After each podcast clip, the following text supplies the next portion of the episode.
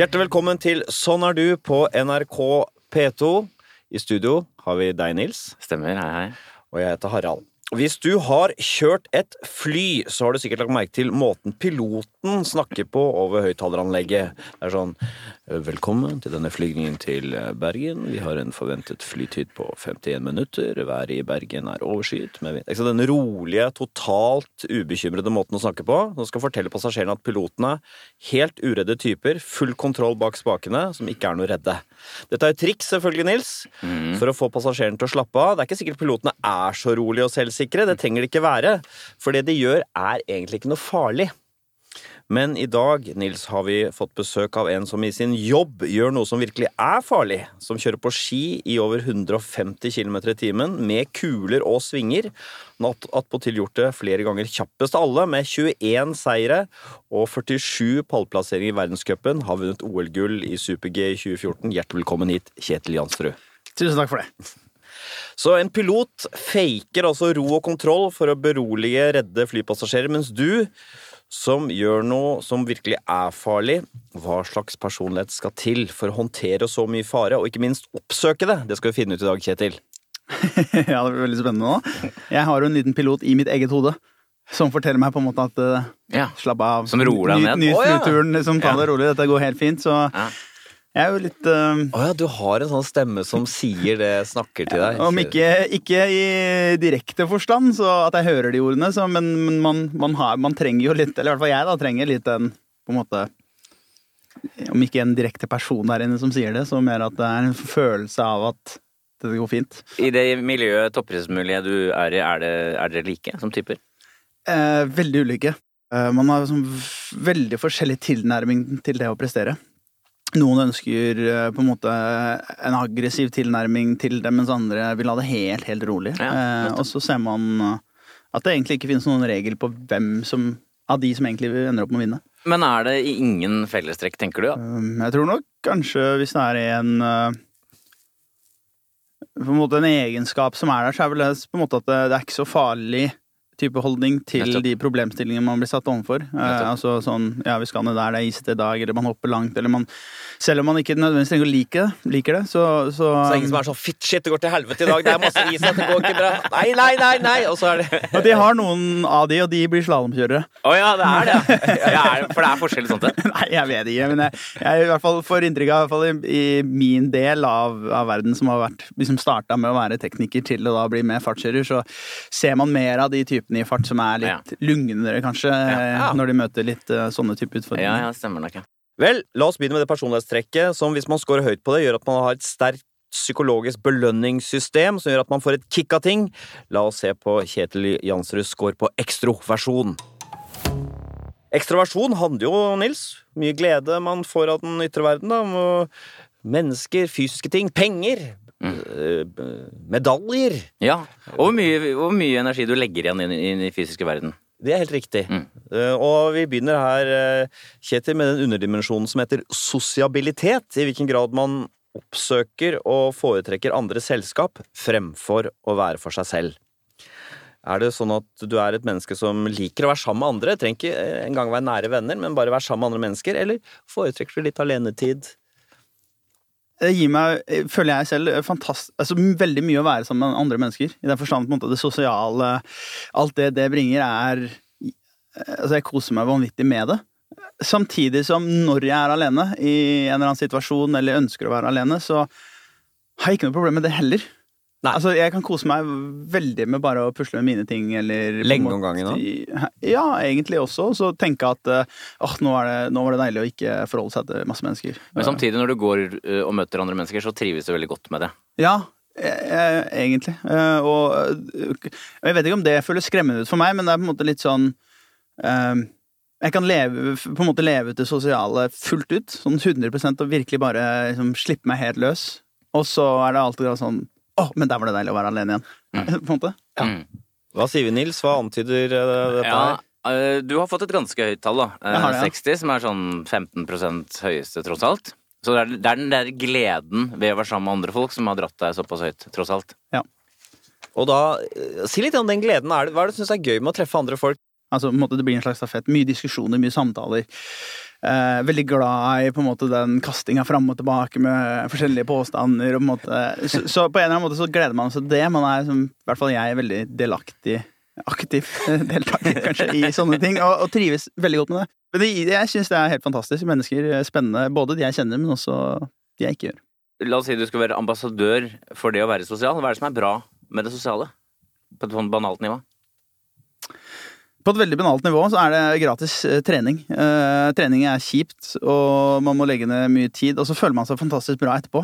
Ja, så, Og, men litt den følelsen får jeg i det sosiale. Altså det måte, og det koster jo så vanvittig mye mindre. Man sitter i settinger hvor man koser seg, og Ja. alt er bare bra. Og så, Ja. og så kan man gå med en sånn følelse av at man liksom har fått fylt på noen lagre med litt energi og hygge og alt det man egentlig har litt sånn grunnleggende behov for, egentlig. men er det noen asosiale Jeg bør ikke nevne navn, for så vidt, altså, men er det noen asosiale folk som henger rundt et uh, alpinsirkus også?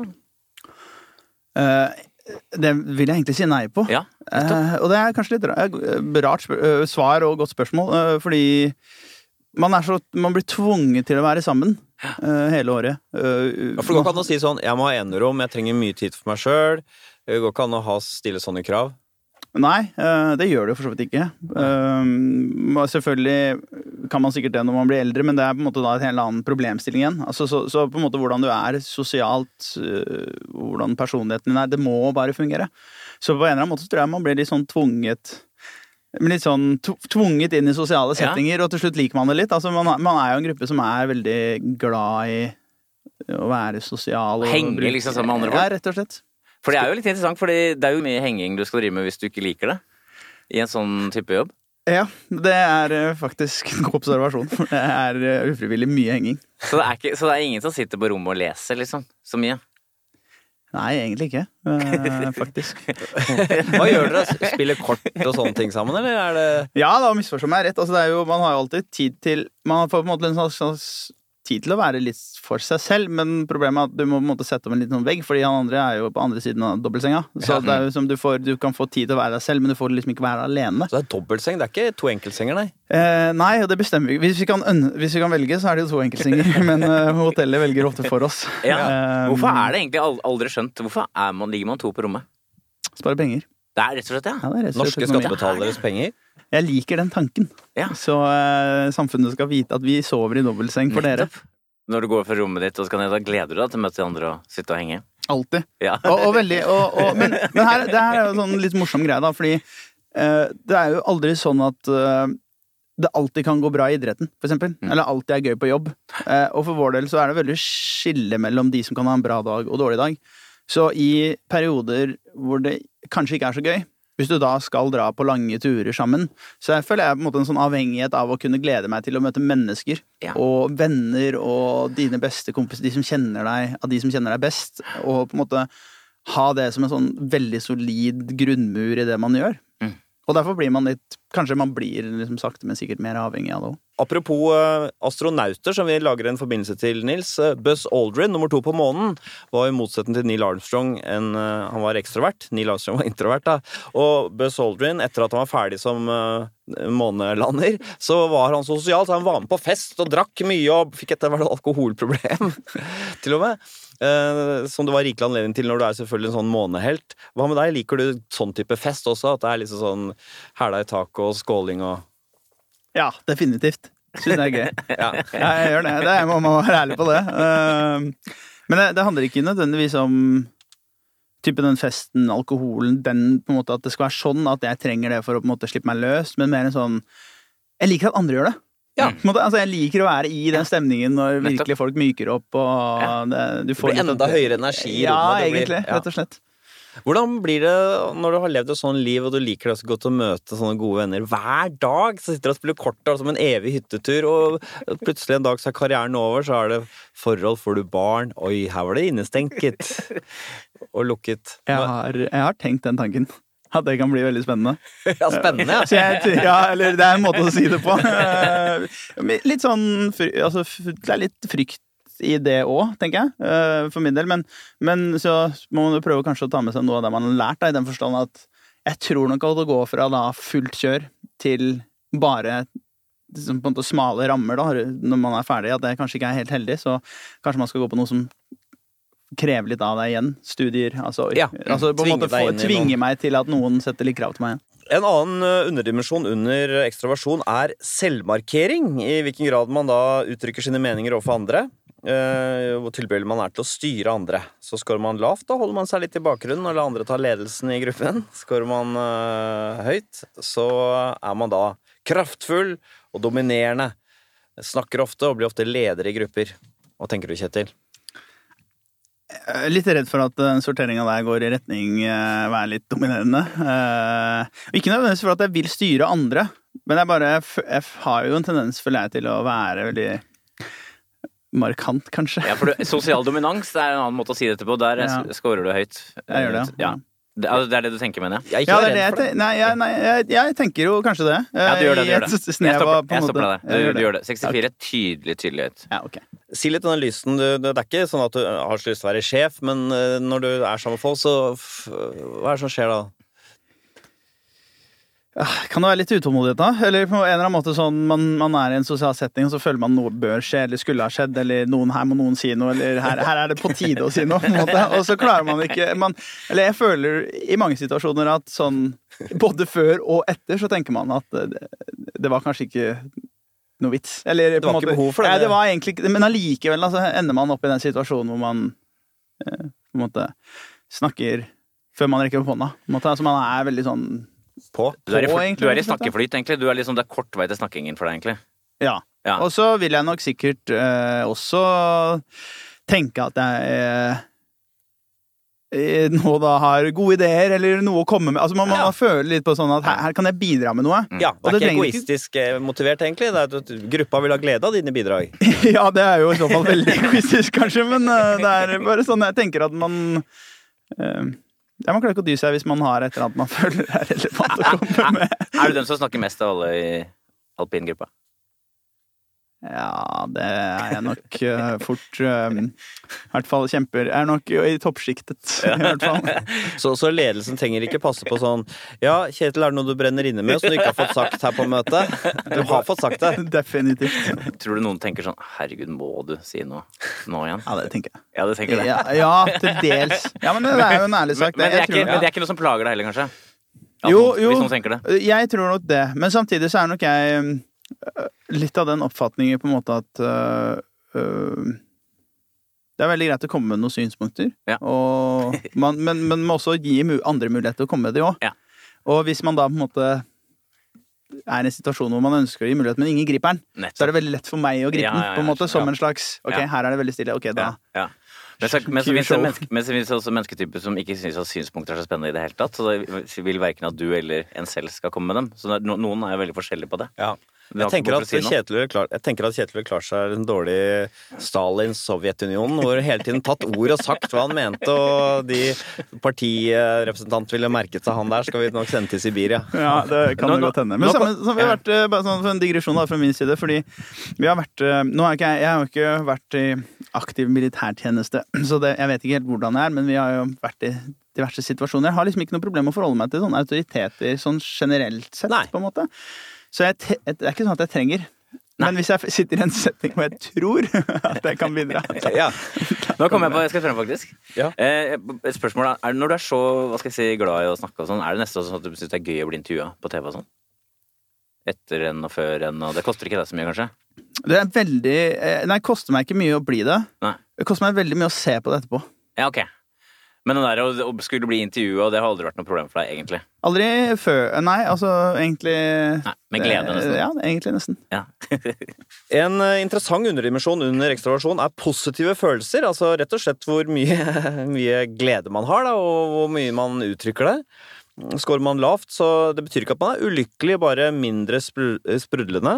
Skårer man høyt, så er man da glad, optimistisk og uttrykker ofte glede. Hva tenker du, Kjetil?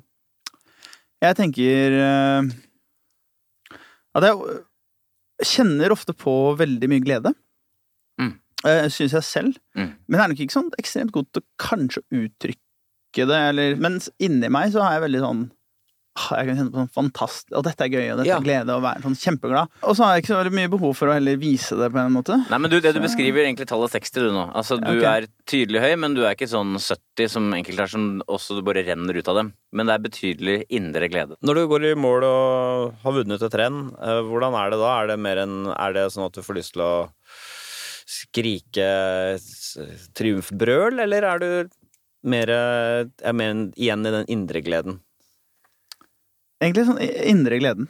Ja. Og det er litt rart, fordi jeg vet ikke helt hvorfor det kommer, om det er på en måte sånn som har utvikla gjennom en slags kultur du har vokst inn i og sånn, men, men det å uttrykke seg er på sånn Jeg vinner, men jeg er jo over, når jeg vinner, så vinner jeg også for meg selv. Selv om, altså Man må jo være klar over det. Altså, det er jo rent individualistisk. Så på en eller annen måte så er det sånn Jeg trenger ikke å trykke det ned på andre. Nei, jeg skjønner. Men det setter heller ikke noen begrensning for gleden min. Så jeg er sånn blitt veldig glad og litt avhengig av den derre Den fantastiske på en måte følelsen av å oppnå noe. Mm. Men jeg er, veldig, jeg er veldig komfortabel med å bare kjenne på den selv. For du liker vel å se andre folk glade også, du. Ja, jeg liker veldig godt å se andre glade. Nettopp. Eh, men jeg har litt vanskeligheter med å, å trykke min på en måte gladhet ned på de. Og det, det trenger Mm. altså, på en måte, Det er jo en sånn rart, fordi det burde jo vært når jeg tenker meg om, veldig sånn naturlig å gjøre. på en måte Å spre litt av sin glede på de som trenger det. Mm. Der er jo litt sånn Der er nok vi veldig flate gjennom idretten. Fordi at man ønsker Det er viktigere for meg å ta hensyn til for eksempel Ja. Alexander som har en dårlig dag, enn Ja. at jeg skal ta hensyn til meg og prøve å skuffe mine happy greier på en fyr som for eksempel den dagen har gjort det veldig dårlig og må få lov til å være der. Så man blir litt sånn, det blir sånn rar dynamikk i det der. Ja. Så det ville blitt plukket av deg hvis du hadde en vane med å «Woohoo!» Hvis du vant, så ville kanskje noen komme til deg Du, Kjetil, ta demp litt her. Du har vunnet, kjempebra, men andre har ikke hatt det så bra. Den føles vondt når du er Ja, det er noe av det første man lærer eh, som ung alpinist. Ja, det er det, Ja. Altså aktivt, altså. Aktiv, ja. Hvem er det som gir den beskjeden, så å si? Nei, det er løpegruppe, da. Ta oss gjennom, La oss si jeg er en ung alpinist. Jeg kommer inn, og så har jeg den der tilbøyeligheten til liksom glede meg for mye på egne vegne og liksom ha en litt sånn skadefryd, da. La oss kalle det det. Hva vil skje med meg da? I gruppa? Nei, altså Først og fremst så må man jo se om dette her er eh, noen engangstilfeller, eller om det på en måte er jevnt over hele tiden. Fordi det selvfølgelig skal være lov å glede seg, ellers er jo ikke noe idrett noe gøy Nei. hvis man ikke får lov til å på en måte kjenne på følelsen. Uh, så er det litt situasjonsavhengig. Uh, Men la oss men- si at det er et vedvarende trekk jeg har, da. Så vedvarende trekk så ville jeg bare på en måte Eller jeg vi vi ville jo kanskje prøvd sakte, men sikkert med å å prøve å belyse for den som gjør det bra, Ja. og de gjør det jo ofte bra over flere ganger, eh, at det er noen her som har det veldig kjipt. Ja. Og hvis Det er veldig gøy at noen er positive inne i gruppa, Ja. men hvis det skulle være samme regler for de andre som har det kjipt, at de bare skulle liksom få lov til å spy ut sin frustrasjon og sånn, så er det mye sterkere Ja. eh, på en måte på minussiden Ja, ja. enn det andre er på gledessiden. Så det regnestykket går aldri i null. Aha. Og det er ofte flere som har det kjipt, Ja, enn han ene som vinner. Men det sier seg jo litt sjøl, Ja, ikke sant? Så, så, så for oss det er er det mer sånn vinn-vinn-situasjon i dessverre ikke det. Så det er på en måte å, å sørge for at han ene som virkelig har det, sørger for at han tar seg ned, så de andre kan bli løfta litt Men har opp. denne samtalen blitt gjort noen gang? Har det Foregår de samtalene? De foregår på løpende bånd med varierende hell. Kjetil Jansrud, Nils, skal vi si at han er en introvert eller ekstrovert? Vi skal ikke si at han er introvert. Han er egentlig en tydelig ekstrovert. Tallet er 61, eh, tydelig på oversiden. Vi har jo tenkt Harald, at uh, utforkjørere er litt mer som piloter og astronauter, som vi har vært inne på. Nemlig litt sånn flate i følelsene, ikke sant? Men du er jo, Kjetil, du er litt grann mer som Tom Cruise i Top Gun, egentlig. Eh, sosial, masse glede, skikkelig skravlekopp. Og det er også slik at du både liker å være sammen med folk, du har masse glede og snakker som en foss. Eh, du er på snitt når det gjelder såkalt ekstraformen. Det betyr bare sånn eh, nærhet, inderlighet. Der er du en, et vanlig menneske, så å si. Eh, og så er du på snitt når det gjelder aktivitet, vil si livstempo og energi. Og, så er du da ganske høy på det som uh, handler om fysisk spenningssøking. Uh, men ikke skyhøy, som jeg- kanskje jeg ville trodd at man var uh, når man er utforkjører. Det er ikke sånn at du elsker absolutt alt som går fort, eller gjør du det? Eh, jeg, jeg gjør det, men jeg har ikke sånn veldig behov for det. Nei. Altså, jeg, jeg våkner ikke opp på en lørdag og tenker sånn Hva kan jeg gjøre i dag som Nettopp. har fart og spenning og gøy? Og, og jeg kjører, kjører bil, for eksempel. Ja. I fartsgrensen. Det gjør det? Eller sånn, på en måte Ja, litt ti over, da. Så, Nå, jo, jo, ja. Smørbrød. Jo, men altså, på en måte, eh, la oss si følge flyten, da. Ja. Veldig lite behov for å sånn ligge opp i rumpa og tenke Ja. nå alle dere andre kjører. Og du har ikke noe drøm om å kjøre på en Formel 1-bane og kunne legge det opp i 300 og sånn? Jo, det hadde vært veldig gøy, det. Ja, det- Eh, det hadde jo, så, så, ja. Men eh, på en måte Det er ikke så farlig. Du har ikke lyst til å tråkke på gasspedalen hele tida? Du, er ikke, du, ikke, du er ikke sånn ligger i 160 føler, motorveien? Nei, ikke sant. Føler jeg får fylt min kvote, og vel så det. Altså, men den kvoten er jo der. Det er jo et, behov. Ja. det er et slags behov. Og du er ganske høy, bare, jeg bare undersøker, men det var ikke skyer sånn som jeg kanskje forestilte meg. Ja. Mm.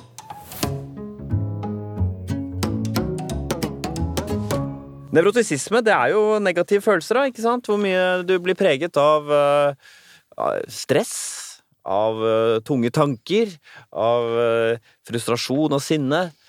Eh, generelt negative følelser. Og vi begynner med fiendtlighet, eh, Kjetil. Det, det handler om hvor lett man lar seg irritere. Og hvordan man tar kritikk. Det er sånne ting som bitterhet, frustrasjon, irritabilitet eh, ligger under her. Her er jeg veldig spent på den der, egentlig, fordi Sånn min umiddelbare tanke er jo egentlig ja. På egentlig måte, da. At jeg, at jeg kan ta meg litt nær av ting og la meg irritere av både ting og personer jeg mener gjør noe eller er på en måte som ikke er, er riktig. Samtidig som det plager meg ikke så veldig lenge. Dette er veldig interessant, for du, her har du fått et veldig høyt tall. Ja. 66. Så det vil si at jeg 5%. lar meg, altså i den eh, hvor mye jeg Ja. lar meg Agg irritere. og grums, øh, altså dette litt udefinerbare ordet agg og grums, eller disse Grums, ordene agg og grums. Grums, har du noe, kan du, ja, ja. Ja, ja, og det, det, det treffer hos meg, det. Ja, det gjør det. er litt sånn, ja, rett og slett litt sånn, litt sånn smågrus. Men ja. hvordan jeg opplever det, så opplever jeg det på en måte som om at det er veldig tydelig at det irriterer meg. Ja. Men hvis jeg ikke kan Ikke nødvendigvis jeg orker å gjøre noe med det, eller får gjort noe med det. Nei. Sånn at det på en måte stikker ikke så dypt, men jeg er veldig sånn, sånn som du sier, at det, er, det ligger noe der som kan plage meg. Eller. Hvis, øh, hvis jeg føler at øh, noen ting er til et snev urettferdig, Ja. øh, den avgjørelsen blir tatt, den, den går utover meg, eh, men på en måte ikke, ikke nok til at dette her er noe sånn opp på barrikadene og kjempe for det og si ifra, men på en måte sånn dette, det går utover meg, og jeg føler at den andre personen burde skjønt det. La oss ta et veldig aktuelt tema. La oss ta type eh, idrettsdiskusjoner, sportsdiskusjoner, sponsorater, ikke sponsorater, enkeltutøvere kontra fellesskap. Ikke sant? Det har vært Ja. masse skriverier om det. Veldig aktuelt og spennende. Så hvis på en måte da Bare for å gjøre det helt tydelig, det betyr at skal du kunne gjøre en avtale for med Red Bull og få egne penger, eller må du gå gjennom fellesløsningen og kanskje få litt mindre Ikke sant? Ja. Mm. Og da er det jo gjerne en sånn gi og ta. Man prøver å diskutere og komme seg fram til løsninger, og så er det andre eh, steder hvor det går til mer krangling. Og det er på en måte helt greit. Der tar jeg ikke noe sånn Men hvis noen eh, tar en avgjørelse som går utover noen, inkludert meg, som på en måte man burde ha skjønt et tidligere tidspunkt, eller på en måte som er veldig sånn enkel å si at det er ikke, det er ikke et stort nok problem til at dette her er sånn veldig krise. Nei. Men på en måte man får den der følelsen at det er ikke, bør ikke jeg nå kunne få føle meg litt sånn dårlig behandlet, eller litt Ja. sånn litt bitter. Ja. Ja. Så er det mer sånn da eh, Kanskje litt sånn som den gleden som jeg holder inni meg, så, Ja. så holder jeg den Jeg trenger ikke å være noe sånn veldig sånn Hei, Nei. nå, Ja. nå smeller det. Men mer den derre Ja, den kjenner på litt bitterheten at sånn Dette irriterer meg For, skikkelig. deler du det med noen? Noen nære kjærester? Dere to, da. Det er Kjetil. Men, si, men, snakker, men det kan være sånn at man snakker med noen på laget om det, kanskje? Ja, det gjør jeg. Og, men, men samtidig, da, man ønsker jo ikke å bidra til noe Nei. Si, Man kan ikke rotte seg sammen. Nei, Fyre opp under, kanskje? Så det, jeg tror nok det, Hvis man snakker om noe, så snakker man om noen, med noen som er helt ut fra miljøet. Ja, ok. miljøet. Jeg ikke sant? Fordi at man ikke skal skulle rotte seg sammen. Hvis man har høy score på dette, så kan man også være at man ikke er så glad i å få kritikk. Ikke noe glad i å få kritikk. Nei, det er ikke det, nei? men, men det er profesjonaliteten. da. Hvis det er sånn at den overstyrer personligheten, så er det nok det definitivt der. Altså ikke noe problem. Eller sånn du, Man trer litt inn i roller hvor da på en måte alpinisten Han syns det er helt greit å få kritikk. Fordi at da setter man seg selv i en sånn her, Ja. ja, men Sånn må her fortjener liksom. jeg Ja. som, ja, det, For at vi alle nå skal se det i en større sammenheng og tenke at dette blir vi bedre av, så aksepterer man kritikk. Men sånn hvis man- Kjæresten Kjetil og- Ja, ikke sant. Eh, Kjæresten Kjetil eh, er nok eh, mindre mottakelig for eh, kritikk, kan jeg tenke Hva meg. slags kritikk kan det være? Kommer du på noe privat kritikk du har fått, eller? Som? Ja, jeg får masse kritikk. Eh, Som du blir styrt for? Ja, sånn referanse til hvis jeg ikke kanskje hører etter, lytte Altså på en måte en uh, misforståelse rundt kommunikasjon, eller at man på en måte kanskje forventer noe, og så får man det tilbake at ja, ja, men dette utjevnes av dette. På en måte, altså, sånn klassiske sånn man hører om som pargreier. Og, så- og så blir det sånn Der tror jeg nok man føler seg sånn, for føler det veldig rettferdig å gi, å gi kritikk, og ikke like rettferdig å få med andre hånda. på en måte. Sånn, Vi sammenlignet jo med astronauten og piloten her. De er jo i hvert fall astronautene kjent for å være unevrotiske mennesker. Er Kjetil Jansrud en uh, unevrotisk eh, mann? Altså, Kjetil, du er, du er ikke nevrotiker, men du er ikke det motsatte heller. Du er på snitt når det gjelder nevrotisisme. Er, du har fått tallet 49. Vi har hørt at fiendtligheten din trekker mye opp, da. Og så er du på snitt eh, når det gjelder depresjon, dvs. Si nedstemthet, nedstemthet og følelse av litt skyld og synd og sånn. Du er nokså lav på engstelse. Eh, Du kan ha litt skremmende tanker, det trekker opp. Hva er det for noen skremmende tanker? ja, hva er det? Uh, worst case scenario-tenking? eller? Ja. er kjapt å tenke hva Det er som er skikkelig galt. Det er jo ikke rart i den jobben, for å si det sånn. Jo, men hva er det Ja. for noe? Å falle og bli lam, eller? Ja, nei, men Det plager meg ikke det, men jeg på en måte føler meg sånn dum hvis jeg ikke tenker på det. Altså, kan du si, jeg, Det kan jo hende det for alt jeg vet, sikkert mennesker der ute som bare ikke har konsekvenstenkning. Altså, det, er, det er jo ikke en del av skjønner du mener. Altså, det, er bare, Ja. dette, dette er ikke, det tenker jeg ikke på. Men jeg, jeg gjør jo det. Altså, på en måte, det er jo alltid en, en, alltid en annen konsekvens av det man gjør. Men det er ikke noe som plager deg at hver gang du gjør noe, så tenker du worst case hele tiden? Nei, mulig? men jeg har nok i det jeg gjør ting jeg ikke er så kjent med, har vært igjennom worst casen før jeg gjør det. Ja. Bare sånn for å være klar over det. Så skårer scorer du lavt på, på stressårbarhet, altså lav score der, ja. Det er klassisk astronauttrekk. Ja. Tåler stress når ting går galt og alarmen går, så tåler Kjetil det godt. Ja, det gjør du, det kan du bekrefte. Kjetil. Ja, det er nok veldig rolig, da. Ja, det er riktig. Og så er det litt artig trekk her, for vi har jo det er kanskje det som er minst intuitivt at er et nevrotisk trekk. Det er det som heter impulsivitet. Det handler jo om å ikke kunne hva skal jeg si, stå imot fristelser da, og gi etter for eh, den slags, og så kanskje angre litt etterpå. Det vil for eksempel si at du Der har du ganske høy score, og du vil si at du for eksempel kan synes det er vanskelig å la sjokoladebiter og annen god mat ligge igjen på fatet. Ja, det er helt riktig. Hvordan skal det gå den dagen du legger opp, Kjetil, når du ikke forbrenner 10 000 kalorier om dagen lenger?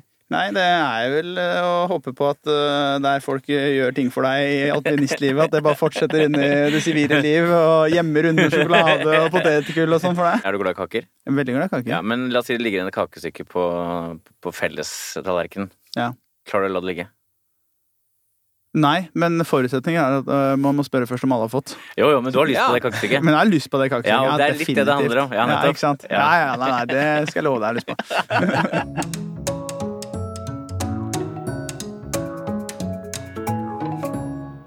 Medmenneskelighet det handler jo om samarbeidsvilje, medfølelse, hjelpsomhet, i hvilken grad man setter andre foran seg selv.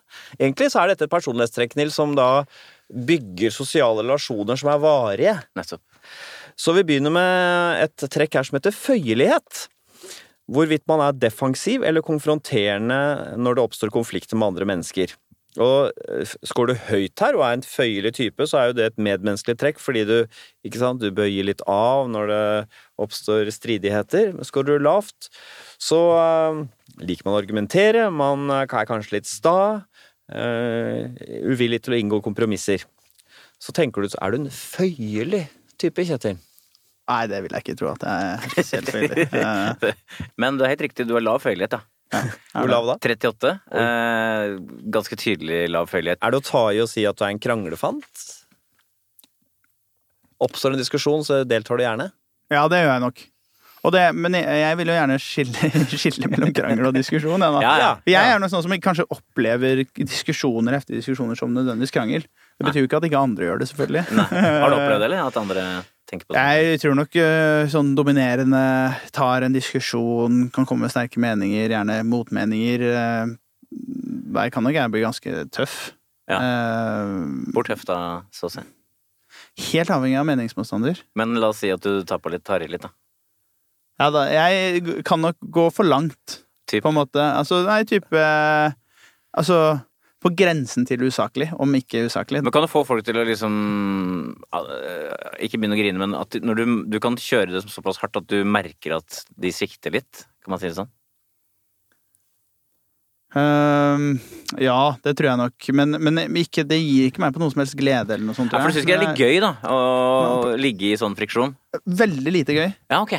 Hva er det som Jeg driver deg da? det er eh, Nei, kanskje den ønsker om å ha rett, da. Eller på en Ja. måte å ha veldig sånn stor tro Ja. på at Ja, men dette mener jeg, men ikke fordi at jeg bare mener det, men hør på dette. Liksom. Ja. Dette, er mine, dette er mine argumenter. Og så blir man veldig sånn låst til sin egen side og sin egen Ja, du, altså, ønske. Så, og det har jeg ikke noe problem med å kanskje bringe opp i en diskusjon. Da. Så jeg blir veldig sånn Men, men bare bare deg, ta det da, du har høy selvmarkering, altså sosialt sterk, ikke sant? Mm. Og så har du jo da deler denne fiendtligheten, altså bitterheten og sånn. Og så har du den lave føyeligheten. Man kunne jo tenke seg at det kom liksom dundrende på, da. Det du måtte kjenne på av liksom agg eller grums eller noe sånt. At du, at du av og til kommer skikkelig hardt ut. Med den lave ja, føyeligheten. altså, Det kan jo gjerne være en litt sånn trykkoker, på en måte, at man Ja. For jeg har jo Det må ikke være alltid.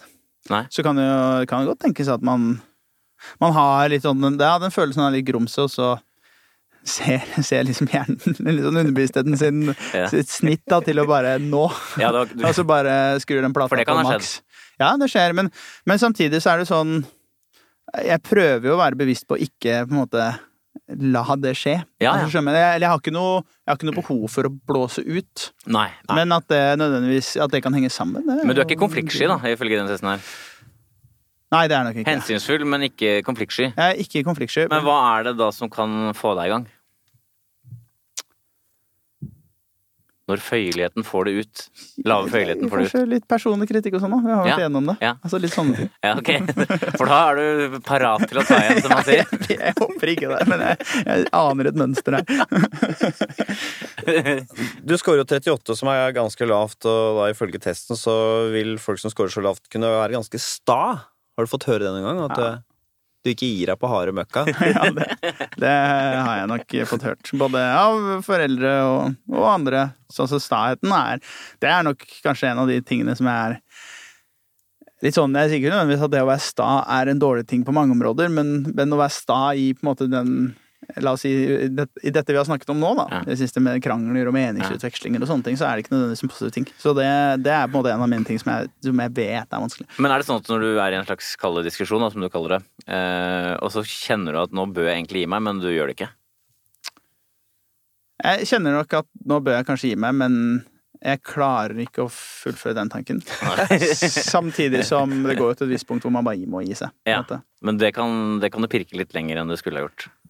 Ja, det vil jeg tippe. Hvis du spør andre, så viser jeg såpass forståelse at det burde jeg kanskje gjort. da. Men er det med, det er, Du nevner forhold, men er det også med venner og utenom, utenom alpinmiljøet? At du er litt sånn? Stå på ditt? Ja, jeg tror nok det. Hvis jeg, hvis jeg som engasjerer meg veldig personlig for det, eh, så kan Hva er det, kan det være? Hva, er det, hva slags type diskusjoner er det som kan fyre det opp? Jeg tror nok ikke jeg er så opptatt av temaet, sånn sett. Veldig opptatt av hva, som, hva de motargumentene inneholder. Altså Ja, Hvis ja, man eh, har en meningsutveksling, og de da kommer ut Nei, fordi det bare er sånn, for eksempel. Ja, ja, da kan jeg bli sint. ja. Liksom. Altså, Ja, da jeg ja. sånn, og da blir jeg sånn veldig Det, det syns jeg er sånn veldig, veldig irriterende. Altså sånn Nesten på grensen til litt sånn Ja, det er det. ordentlig irritert. Da. Ja, kom igjen, liksom. Ja, Har du du- mer å komme med enn det? Nei, du må jo nå Altså, nå sitter vi her og skal diskutere, Ja, og så skal du prøve å overbevise meg om dette. Og Eller alt du kommer med, er det. ja, og, der stopper det. Da kan jeg kjenne, da begynner, da begynner vi å Da koker det. Ja, Om det ikke koker med en gang, så er liksom, da Ja. man på god vei da, til Ja. å irritere seg litt. Er det noen gang skikkelig konfrontasjoner i gruppa? Ja. Det er det. Ja, ja, ja. Med krangel og ja, ja, ja. Uh, men det varer veldig kort. Mm. Uh, nå vet ikke jeg hvordan det nødvendigvis er på den personlighetstesten som jeg har tatt, men uh, det er, ja, det smeller skikkelig. Gjør det. Men det smeller veldig sånn Det er som en litt sånn liten sånn kinaputt i et, i et låst rom. Altså, Ja. det kan, det, men du må liksom være Du må være inne i det rommet for å høre det. Og så Ja, på en måte sånn Den krangelen som er mellom to, den blir et par ord, Ja. og så er den ferdig. Ja, ok. Egentlig. Så det skjer ikke at den ikke er ferdig? Nei, det har jeg aldri opplevd. En viktig del av det å være et medmenneske, Nils, er å være beskjeden. Eh, merkelig nok. Men det handler jo selvfølgelig om, om at man er eh, ydmyk, da. Eh, Skårer man lavt, er ubeskjeden, så syns man er bedre enn andre. Kan virke litt sånn selvopptatt og arrogant. Skårer man eh, høyt, så snakker man nødig om egne prestasjoner. Eh, man er da eh, Man mangler ikke selvtillit, men man er mer ydmyk. Hva tenker du deg, Kjetil? Er du en ydmyk type? Når du sier sånn Være veldig opptatt av seg selv eller opptatt av egne ting. Snakke om egne prestasjoner det. og sånn? Det gjør jeg aldri. Nei, Nei, så- og bare for å ta det, Du har rett og slett fått veldig høy score på beskjedenhet. Du er ydmyk type. Du er ikke en selvgod fyr, så å si. Jeg synes det er interessant, fordi at øh, det, det, det, det vi ikke har snakka om, er at du har veldig lav score på selvbevissthet. Altså du har ingen sosial angst, bare for å ta det. Og så har du veldig høy selvmarkering. Og så har du en del øh, fiendtlighet og lav følgelighet. Men samtidig så har du den ydmykheten. Og det er jo kanskje en, en fordel med alle disse andre kreftene. Ligger som et fløyelsteppe Ja. på, på alle piggene. Nei, spennende. Jeg måte har jo, det er jo det som er litt sånn rart, da, fordi når, jeg syns det er litt ubehagelig å snakke om de foregående tingene. Altså litt den, om den fiendtligheten og den Mm. bitterheten og sånne ting, fordi det, den er der. Men jeg har veldig lite behov for å egentlig ri den ut til verden, eller markere meg på ja. den, eller ha noe forhold til akkurat den. Riktig. riktig. Men du er er jo, liksom du har jo altså, Bare for å ta det, du har mange gode grunner til å skryte, men du er ikke så glad i skryt da, kanskje? eller? Nei, ikke veldig glad i skryt, eller ikke glad i andre som skryter. Du er ikke det heller, da? Nei, Nei, I jeg- verken skryt eller ros, så å si? Ingen av delene? Jeg er eh, Ja, jeg er ikke glad i egentlig noen av delene. Nei, så, folk, så når folk kommer bort til deg og skal rose deg opp og ned Det det, syns jeg er ubehagelig. Ja, det gjør det. Jeg syns det er virkelig ubehagelig. Jeg syns Ja. det er veldig hyggelig, Ja. hvis man kan dele det. Altså, jeg synes det er veldig hyggelig, veldig trivelig, veldig sånn. Anerkjenne den at, at noen faktisk tar seg tid til det, er jo helt fantastisk. Men eh, det er på en måte Det, det preller litt av meg, da. Altså, Ja. det blir sånn, det går, jeg klarer ikke å la det helt synke inn. Nei. Du kan kanskje ikke holde sånn foredrag når karrieren er over. Hvordan dere skal bli best! Hva jeg gjorde for å vinne! Det er litt morsomt du sier, fordi det er, det er sånn digresjon fra siden. da, fordi er det én ting jeg har lagt merke til når jeg har møtt mange idrettsutøvere eh, som har gjort det veldig veldig bra, også i min idrett med andre idretter, er det påfallende mange som er sånn Dette har jeg gjort for å bli god. Ja. Så sånn gjør vi det. I alle andre sammenhenger. Ja, eller på en måte, ja, i andre sammenhenger, eller generelt i idretten. Altså det setter en slags veldig sånn uh, Se på yngre utøvere og er sånn Nei, dette holder ikke, fordi jeg gjorde det sånn, og da går det ikke på noen som helst annen måte. Og det sånn holder ikke du på, for eksempel. Jeg, jeg, jeg syns jo det veldig, blir veldig smalt, da. Men jeg, men jeg ser, ser veldig mye av det. Kjetil Jansrud han øh, er da en beskjeden øh, type, men ikke spesielt føyelig. Men øh, i snitt, Nils, er han et medmenneskelig menneske? I sum, Kjetil, så er det på snitt en touch høy, faktisk, på dette med medmenneskelighet. Du har en veldig lav føyelighet da, som trekker ned. Og så er du ellers på snitt når det gjelder å være tillitsfull og det å være rett frem, eh, som altså handler om at du verken er spesielt taktisk eller utaktisk. Og så er du da både beskjeden og, skal vi legge til, eh, har betydelige mengder empati. Ganske høy på det som eh, rommer empati, rett og slett. Ja. Mm. Ja, for den medfølelsen har vi vært inne på et par ganger, at du kjenner godt Ikke Du tar Både hensyn til andres følelser når du ikke skal juble for mye. Ja, ja, ja. Eh, Du tar hensyn til andres følelser når du ikke skal eh, få vise fram agget ditt for ofte.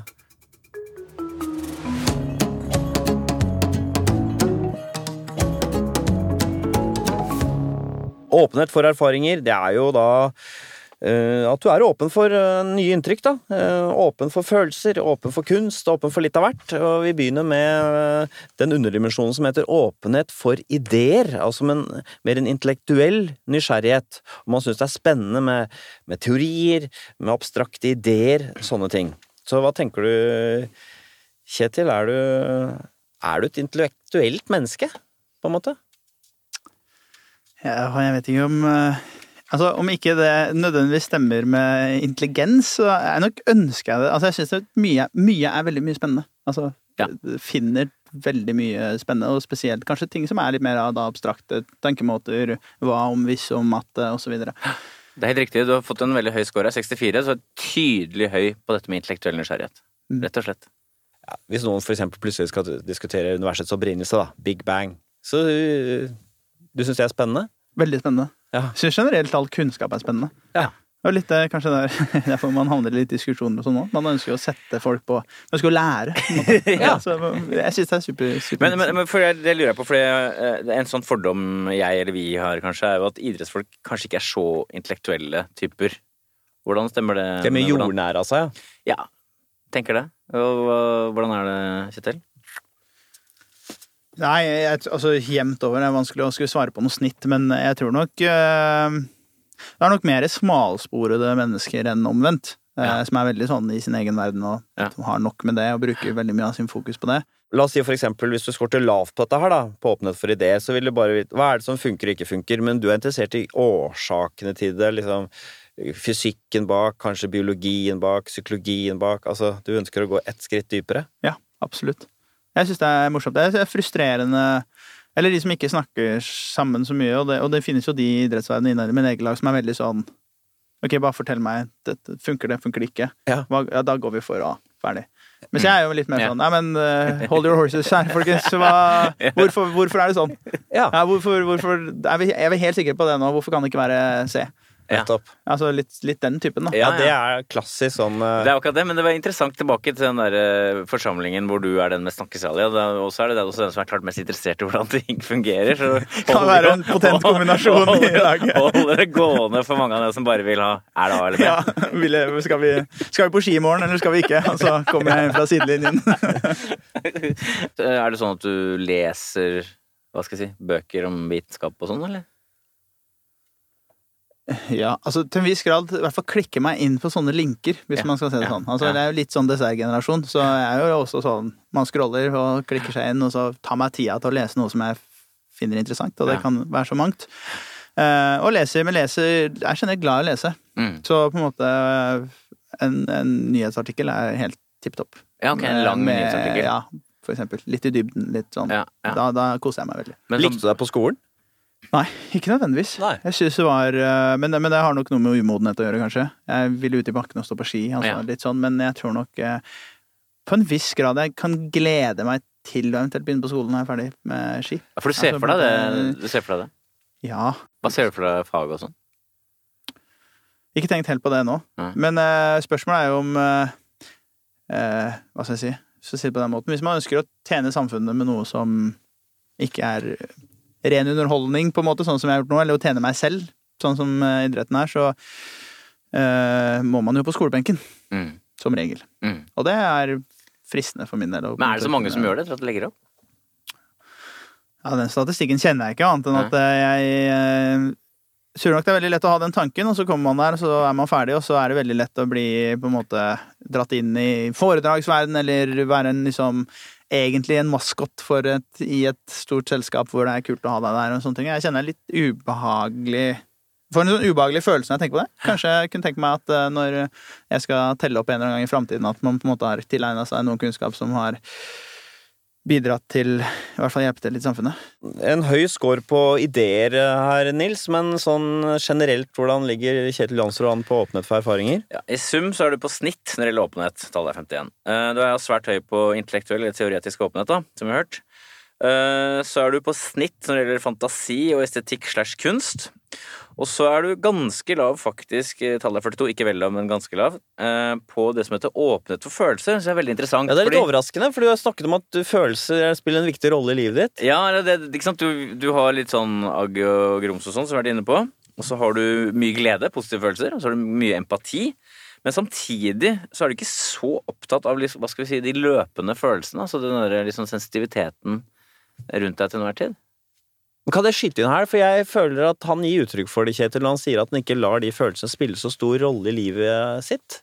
Ja. Du sier jo det at når du har de følelsene, både glede og agg, Ja. så nei, dette skal jeg ikke la påvirke meg.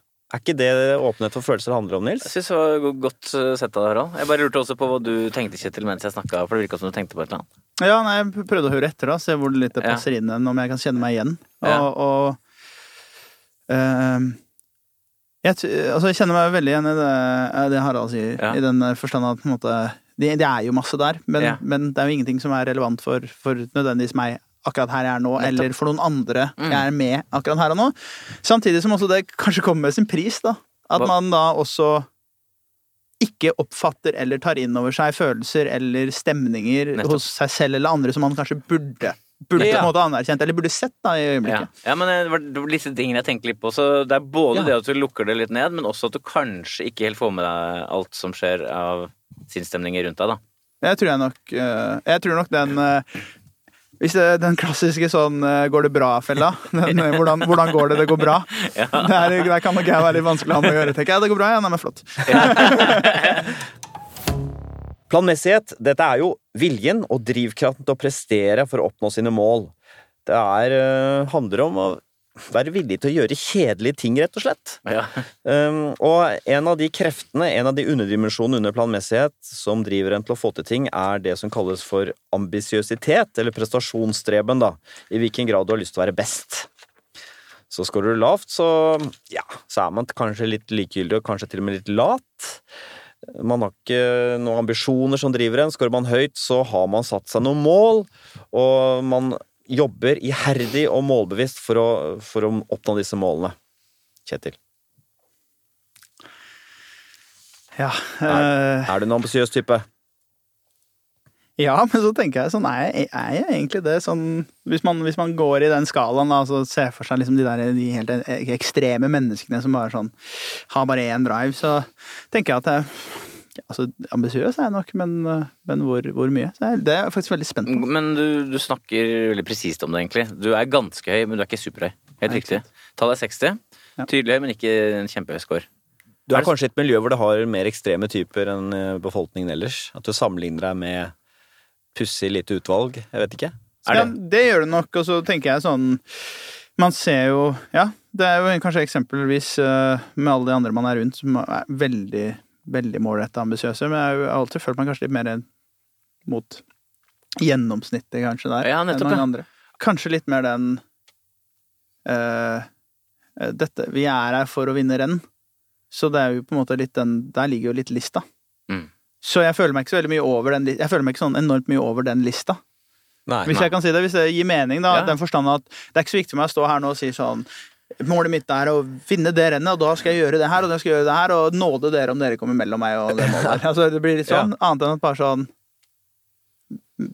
Meningen er å vinne renn og være verdens beste, og det er derfor vi er her. Så Ja. det, det, det trenger ikke å være sånn. Altså, jeg føler meg veldig Kjenner meg veldig lite igjen da, i de um, kanskje andre idrettsutøverne som, og kanskje samfunnet ellers, som er veldig sånn Se på meg, og nå går jeg framover, og det kost, altså, om det koster det og det og det og det, og det, så er det klinkende likegyldig for meg, fordi nå, Mm. nå går det toget, på en måte. Men er det mer ambisiøse folk i alpingruppa enn det du er? Ja, det tror jeg nok. Ja, kan, har du noen ansikter du ser for deg inni det nå?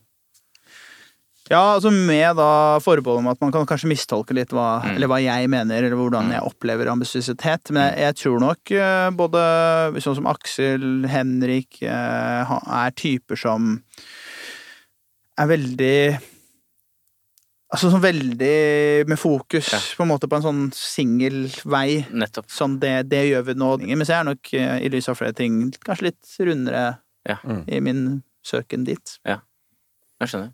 Men jeg tenker jo dette tallet 60 eh, Ja. er beskrevet av deg nå, egentlig, på den måten her. Altså ganske høyt, men ikke superhøyt. Men du har lyst til å bli best. Ja, det er det som er litt sånn rart, fordi når du Jeg kan ha veldig sånn eh, En slags følelse selv, i hvert fall, da. At det er viktig for meg å sette høye mål. Men så er på en måte den diskusjonen om hva som trengs der, der kan jeg på en måte forhandle litt med meg selv. Ja. Ikke sant? Og med andre. Eh, hvor jeg da sier ok, dette burde jeg gjøre, men hvis jeg gjør dette i dag med den personen, eller med, gjør noe annet som jeg har lyst på, så må jeg på en måte kompensere der. Og så blir dette et slags totalt regnestykke som går opp, istedenfor at du alltid bare dundrer på. Istedenfor at det er koste hva det koste vil. Målet helliger middelet. Du, du er ikke sånn. Nei, på en måte. Og så da øh, Men da kan få også litt sånn innslag, øh, på en måte da Hvis det er flere ting som går i feil avgjørelser, eller i feil vei mot det ambisiøse målet jeg har satt meg, så får jeg en sånn Nå er det nok. Nå, nå, nå må man liksom dra det inn her. Du forbinder det å være altfor ambisiøs med å være hensynsløs. Ja, kanskje. Jeg er veldig gira på å fire, men er også veldig veldig tydelig på hvor jeg på en måte setter målene mine og hva jeg ønsker å oppnå. Og i den så kommer det litt bitterhet. Ja. Fordi når man setter seg veldig høye mål, men man har ønsker å ta hensyn til andre mennesker og de rundt seg for å Man vet at det kanskje ikke er sånn For den hensynsløse, ekstreme ambisiøsiteten så ville det ikke vært riktig å ta hensyn, Nettopp. men så føler man selv at man tar hensyn. Nettopp. Fra den man kanskje burde vært, eller det man burde gjort. Nettopp. Og det ikke blir på en måte satt pris på, eller at ikke det regnestykket går opp. Pluss så, at, pluss Så blir du irritert. Ja, så, ja, så kan du Ja. kjenne på litt den bitterheten Ja. fordi at man ikke kan få bli anerkjent. Så i filmen og ditt liv så vil noe av dramatikken være at du sier til kjæresten 'Jeg er nødt til å gjøre dette her for å vinne', samtidig som du var veldig plaget av samvittighet og kanskje trakk deg litt tilbake. Nei, nå skal vi feriere sammen, selv om du vet at den ferien kanskje vil ødelegge formtoppen osv. Så videre. sånn vil det hele tiden livet ditt, Kjetil. Ja, eller sånn 'Nå må jeg trene', og så drar man på kino og så sitter jeg med litt dårlig samvittighet. Ikke sant? Liksom, Og så blir du bitter av det, og så er det um, Så er det denne underdimensjonen som heter orden. Det handler jo om å være organisert, planlagt og metodisk. Skårer man lavt, så er man en rotekopp, rett og slett. Eh, Kan oppfattes som slurvete av andre mennesker. Skårer man høyt, så er man strukturert og velorganisert. Er du et ordensmenneske, Kjetil? Jeg tror nok jeg kan være i hvert fall veldig opptatt av kanskje orden i ting som ikke andre syns er viktig å ha orden på. Altså, jeg, liksom, jeg, jeg liker um, geometrien i et uh, rydda, et rydda organisert eh, oppsett, på en måte. Ja. Dette, er, dette er en som har høy score på orden, som sier du har svært høy score her. Okay. 74 innenfor 1 av høyeste, faktisk. Oi. Jeg liker et ryddig kjøkken, for eksempel. Eh, Brettekanter på klærne. Du har det, ja? Ja, sånn til en viss grad. Altså, det blir sånn, jeg føler ikke at det er manisk, men det er på en måte kanskje i alle aspekter ved livet ønsker det. Og det med å være idrettsutøver, da, handler jo litt om at du må vite på en eller annen måte at øh, det man gjør i dag, betaler seg kanskje ikke før om to år. Vet På en måte. For, altså, man, man får et veldig sånn langt perspektiv på hva er det som egentlig Og for at det også skal skje, og for at det skal være verdt å gjøre noe i dag som betaler seg om to år, så må det også være et system for hvordan du gjør det. Sånn, det er ikke nødvendigvis viktig for meg at jeg rer senga hver dag. Men fordi at systemet for å drive meg framover, så er det veldig mye bedre for meg at alt Jeg gjør alt, alle detaljer. Så man blir veldig sånn detaljfokusert. Og når det da eh, på en måte fra idretten strekker seg Det strekker seg fra idretten og bakover, da, og ikke kanskje omvendt. Det, det begynner ikke med en oppredd seng, det slutter med en oppredd Ja, seng. på jeg en måte. skjønner. Ja. Jeg har hatt perioder i livet hvor ikke aldri Det er ikke sånn at jeg alltid har vært veldig ryddig. Men med en sånn Med å på en måte kanskje oppleve ting man har jobbet veldig hardt for, og man eh, Livet går fra å handle om sekunder, på en måte, og lukke luka på sekunder til konkurrenter, til å handle om hundredeler. Så Ja. skjer det et eller annet der hvor man blir sånn helt sånn manisk opptatt av de få Altså de detaljene som gjør at du kan bli en hundredel fortere. Og det sprer seg veldig mye til resten av livet, med ordenhet og ryddighet og Ja, ja. detaljfokus og alt ja, sånt. nettopp. Ja. Men, hva det, men ta, ta oss hjem til deg. Da. Hvordan er det man merker at dette er en veldig strukturert person må kommer hjem til deg? Hvis mobilladeren til telefonen ligger på bakken med ledningen ute, Ja. så går jeg og surrer den sammen. Også, Ja, du gjør det, ja. Ikke sant? Sånn, Altså, det plager meg hvis det ikke er det. Mm. Uh, men samtidig, hvis jeg vet at hvis jeg slipper det opp, så er min erfaring at da om redselen for at det begynner med da, da det lille, og så sprer det Ja, seg da til de ja. viktige tingene. Så Til slutt til hundredelene. Ja, Det starter med mobilladerens ukveilede Ja, ja, ja. ledning, og slutter med tolv hundredeler bak på målstreken. Jeg tror nok Hvis du spør de andre gutta på laget, så tror jeg nok ikke de ville sagt at jeg er en veldig ryddig person. Nei. Men så, så på en eller annen måte så har jeg ikke noe sånn Hvis jeg ser en rotete eh, pult, da, eller en, la oss si dette er en Den pulten, arbeidspulten din er på en måte arbeidsbordet ditt på utstyret på alpint, så plager det meg ikke at andre har det uryddig. Nei, du er ikke Men- nevrotisk uryddig. Nei, på en måte sånn, men i, inni mitt hode så trives ikke jeg med det før jeg har kontrollen. kontroll. Men samtidig så er det sånn øh, øh, Skal sammenligne Altså, man ønsker jo på en eller annen måte å føle seg kanskje litt som mann også, Mm. som mann. Ja. Så jeg ble kanskje dratt litt mellom det Ja. eh, At du ikke er- så er- pertentlig, liksom? Ja, nå er jeg pertentlig. Du som mann går bort og, og kveiler sammen den der telefonladeledningen. Det er jo det er jo ikke så veldig maskulint, på en måte. Jo, men er det ikke to Det er flere måter å maskulin på. Du har den der som dere antyder, han der som gir blaffen og bare er seg sjøl midt oppi all kaoset. Men så har du den militære, han som pusser på rifla si, er systematisk, Ja, er jobber før oppdraget, sånn som du beskriver, flikking på skoen og vinkelen og sånn. Det er også en sånn tøff, kul ting, da. Ja. Jeg tror begge deler er innenfor mannsrollen. Hva tenker du, Kjetil? Ja, jeg blir glad for å høre det. Jeg- Men jeg har heller ikke så stor behov Eller så stor sånn behov for å kjenne meg heller mandig. Hvordan er det når du har vært borte lenge på uh, trent i Chile, for eksempel, så kommer de til leiligheten, og Nei, men i all verden, her er jeg borte i en måned, kommer tilbake, og så er det ting er ute av eh, vater her. Har du en sånn irritasjon som bare strømmer gjennom deg idet du åpner døra og du ser at det ikke er ryddig, har kjæresten din skjønt såpass at her må det shines opp før du kommer? Ja, hun shiner. Det. Eh, Men jeg tror nok hun ønsker det òg, heldigvis. Ja. Så vi er jo hun er ganske ryddig, hun også. Ja. Ja. Eh, problemet er vel litt eh, ansvars... Eh, på en måte, altså sånn én og én, veldig lett.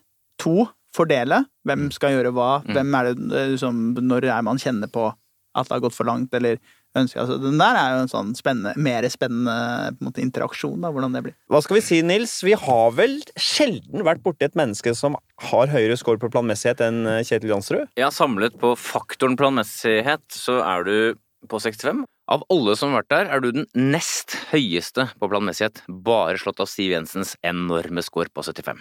Tydelig ambisiøs, tross alt, da. Ehm, enorm tro på egne evner, god selvdisiplin, og så denne ekstreme skolen på orden og struktur. Nå har vi vært gjennom fem personlighetsdimensjoner, Kjetil. Det har vært en eh, veldig interessant reise. Det er på tide å oppsummere. Hvem er egentlig denne Kjetil Jansrud? Vi hadde en idé først, Nils, om at eh, Kjetil eh, i kraft av å være en sånn utforkjører var en litt sånn flegmatisk type. Altså en eh, unevrotisk, introvert, litt flat menneske. Sånn som ofte astronauter og noen jagerflypiloter er blitt beskrevet. Men dette stemte ikke helt. Nei, det gjorde ikke det. fordi at uh, Nå er jo Kjetil riktignok ikke noen nevrotiker, eh, tross alt. Men han, stemte. men han har litt, der, eh, litt sånn grumset i seg. Og i tillegg så har han disse litt sånn utadrettede trekkene som har mye glede, tar mye plass. Og han liker å være sosial, som er liksom det motsatte, egentlig, da, en sånn flegmatiker. Det er akkurat det, og det, og det som, men det som gjør deg til en sånn eh, litt ekstrem type, da, det er jo Uh, selvfølgelig at det er såpass strukturert og planmessig, og det hadde vi regnet med på forhånd. Mm. Så er du da den tenkende idrettsutøver. Ja, en intellektuell type. Filosofen i bakken. Takk for at du kom, Kjetil Jansrud. Takk for at du Takk. fikk med.